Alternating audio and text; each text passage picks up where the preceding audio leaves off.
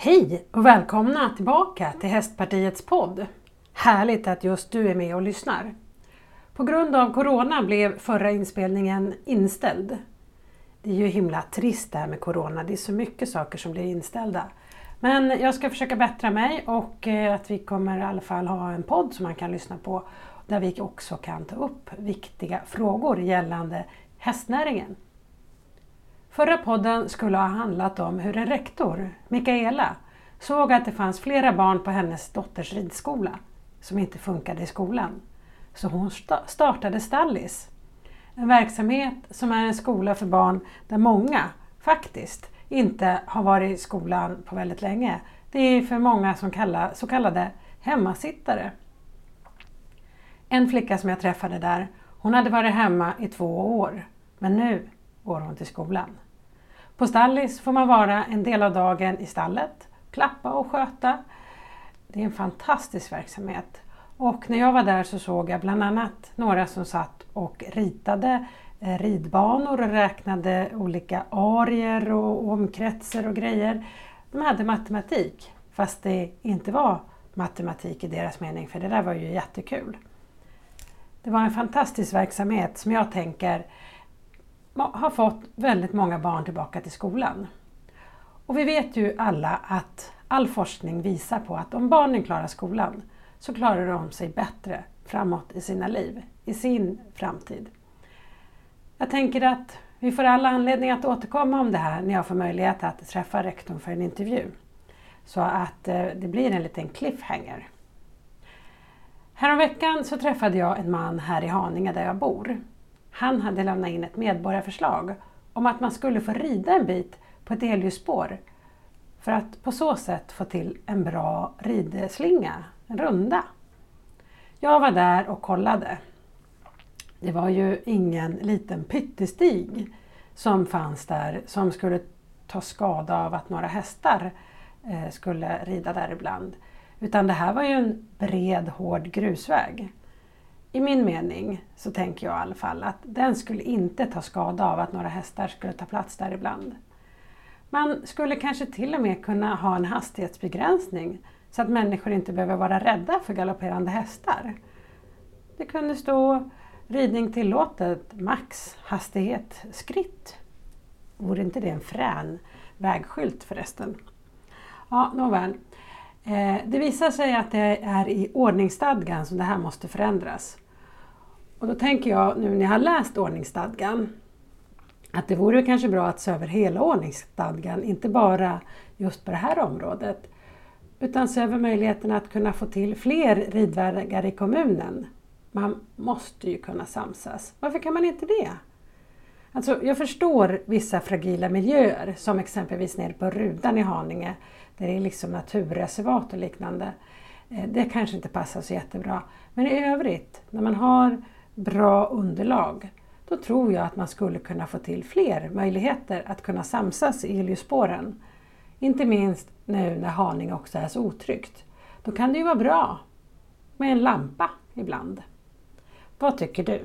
Tycker du att man ska få rida på en del elljusspår? Hör gärna av dig och berätta vad du tycker.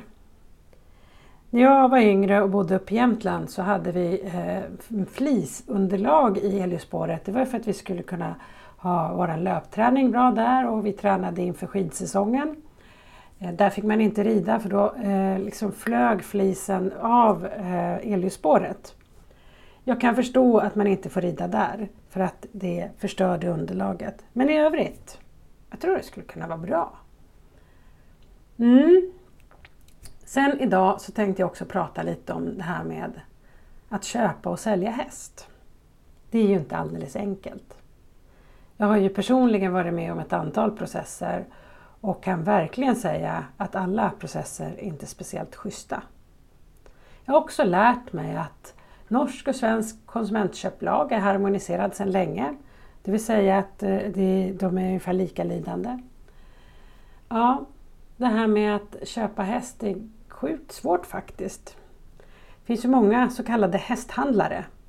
Innan jag eh, var ute och letade häst så hade jag nog inte riktigt förstått varför man använder uttrycket hästhandlare. Det förstår jag nu. Det är eh, till exempel när vi kom till ett ställe och skulle provrida en, en dressyrvallack och, och uh, dottern blir uppslängd på, på, en, uh, på ett hoppsto istället för hon tyckte inte att den som vi kom dit och skulle titta på passade eftersom jag var väldigt bekymrad över att den hade eh, ink eh, precis eh, nära vid skrevet och så vidare. Ja, nej, det är mycket spännande resor vi har varit ute på. Ett problem när man köper häst det är ju att ett köp mellan två privatpersoner idag det innebär att det är konsumentköplagen som gäller. Och den innebär ju att man kan reklamera köpet om man inte är nöjd. Det är ju upp till tre år.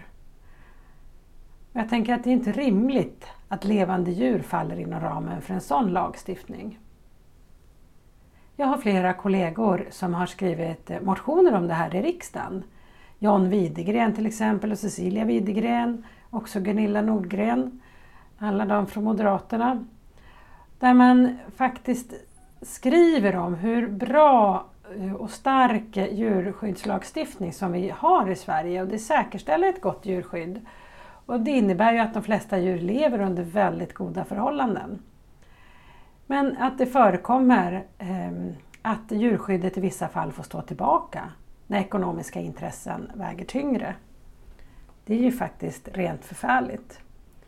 En sån situation kan till exempel vara att eh, ett djur, det kan vara en häst eller en hund eller katt, eh, som inte går att använda till det ändamål som köparna köparen avsett. Det vill säga köper du en hopphäst och den inte kan hoppa eller den blir halt eller liknande så har den inte eh, du kan inte använda det för det ändamål som du hade tänkt det. Och då kan man hävda att det föreligger ett så kallat köprättsligt fel. Många gånger så försöker då en köpare att häva köpet genom att en veterinär förklarar att djuret är obrukbart för de syftena som man hade tänkt. Det är ungefär som man köper en reseförsäkring. En del reseförsäkringar har ju att eh, man kan få pengarna tillbaka om man åker på en skidresa och om man av någon anledning gör illa sig och inte kan åka skidor så kan man ju få pengarna tillbaka. Det funkar lite likadant som det här med häst. Vilket är konstigt för det är ju liksom ett levande djur. Eh, och de förändras ju över tiden. 2010 så genomfördes ett projekt inom ramen för Jordbruksverkets satsning på livskraftigt hästföretagande. Det här projektets resultat visade att ganska många hästar far illa vid situationer som uppstår när en köpare vill lämna tillbaka eh, sin häst. För att, den inte, för att de upplever att den inte håller måttet. Den håller liksom inte standard och motsvarar heller inte de förväntningar som avtalades om vid köpet. Det förekommer att hästar medvetet tränas och eller tävlas på ett sådant sätt så att skador uppkommer. Det här för att köparen av någon anledning inte är nöjd med hästen och vill ha en orsak till att kunna häva köpet. Det här är ju helt galet. För säljaren kan ju då bli tvungen att betala tillbaka pengarna, allt eller en del av köpeskillingen och även behöva stå för de kostnader som köparen har haft under tiden som djuret inte gått att använda. Och har köparen dessutom haft veterinär och vårdkostnader, då kan skadestånden bli ganska höga. Det här kan ju ske trots att djuret har, alltså djurets skador kan ha uppkommit genom att det är köparens hantering som har eh, eh gjort att det blivit på det här sättet. Och det här trots att det inte kan härledas vid en undersökning i efterhand. Det finns eh, ehm, med, bakgrund av det som jag pratat om eh, nu då, ganska tydligt behov av att undanta levande djur ifrån eh, konsumentköplagen. De utredningar inom området köp av levande djur som gjorts de senaste åren, där har alla pekat på samma problematik. Att konsumentköplagen som den ser ut nu, den är inte anpassad till köp av levande djur. Oavsett om det är en häst, hund eller katt. Det kanske är mest tydligt just inom hästområdet eftersom här har vi så tydliga användningsområden för våra hästar. Alltså, man vill ju kunna rida dressyr på en dressyrhäst. Det är inte så konstigt. Eller man vill åtminstone kunna rida på en ridhäst. Köprättens regler om fel i vara tar inte hänsyn till varor som under sin livstid förändras på ett sätt som inte alltid kan förutses. Jag menar, hästar skadas ju.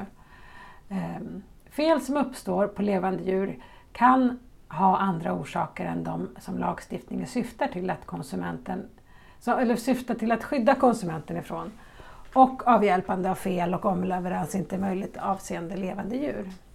Jag tänker, om man googlar lite kring det här så kommer man in på frågor på till exempel Lawline som eh, eh, svarar på frågor om det här. Har jag rätt att få tillbaka mina pengar? Och ja, du har i stort sett rätt att kunna häva för ganska många olika saker. Eh, jag tänker att det blir ju jättekrångligt och svårt och hästen kommer i kläm. Men nu har jag i alla fall gjort en utredning. Den heter En ny lag om konsumentskydd vid köp och vissa andra avtal. Den här utredningen är lämnad på remiss och man skulle ha svarat senast den 11 november. Och det som händer nu är att remissvaren gås igenom och sen så gör man ett förslag utifrån det. Man kanske gör då lite förändringar med ett förslag till lagrådet. Och efter det ska regeringen komma med en proposition till riksdagen. Sånt här tar naturligtvis tid. Men i det här förslaget, eller den här utredningen, så finns det bra beskrivet om hur situationen ser ut. Och eh, utredaren anser att det finns ett behov av särreglering när det gäller köp av levande djur. Och det är ju jättebra. Halleluja! Fast den ska tydligen inte utformas på ett eh, sätt på ett sådant sätt att köp av levande djur helt undantas från den nya lagens tillämpningsområde. Jag tänker att det måste ju kunna gå att ha enkla och tydliga regler. Av min veterinär så fick jag berättat för mig hur det fungerade i den gamla eh, lagstiftningen i Danmark. Det vill säga att man eh, hade rätt att häva köpet i 28 dagar, det vill säga fyra veckor, om det var någonting fel på den. Sen så räknade man med att då har djuret landat, du har kunnat titta på den, du ska kunna veta om du vill ha den eller inte. För att dagens nuvarande lag och inte heller utredarens förslag tar inte tillräckligt hänsyn till djuret. Det är liksom djuren som hamnar i kläm. Problemet med den här konsumentköplagen är ju att den är väldigt processdrivande. Man kan hålla på och bråka om en häst hur länge som helst nästan. Och det här gäller ju särskilt inom kombination med de försäkringslösningar som vi har. Jag tänker till exempel A1 som just handlar om eh, ändamålet för hästen. Eh, det här är ju någonting som även utredaren nämner. LRF de har i sitt remissvar skrivit att de vill att lagstiftningen ska ställa högre krav på såväl köpare som säljare vad gäller levande djur. Och det tycker jag är bra. De skriver också att eh, de högre kraven ska syfta till att parterna ska vara tydliga med avtalsvillkoren och på så sätt Eh, minska antalet processer. Detta eftersom att, djuren, att det är djuren som lider mest av en pågående rättsprocess. Precis så är det. Jag tycker att det är bra. Ett levande djur är inte vilken vara som helst. Det är liksom inte som att blixtlåset på jackan har gått sönder. Som man kan reklamera upp till i tre år om man har köpt den av en privatperson. Ja, det finns en hel del att göra här och det blir spännande att se vad regeringen skriver i sin proposition. Men vad tycker du? Har du varit med om något jobbigt i att köpa eller sälja häst? Eh, så får du gärna höra av dig och berätta om, eh, om det. Kanske jag kan intervjua dig i den här podden. Du får jättegärna också höra av dig om du har önskemål om vad vi ska ta upp i den här podden. Sådana saker som är knivigt i, eh, inom hästnäringen där du bor. Vi hörs snart igen. Tack och hej!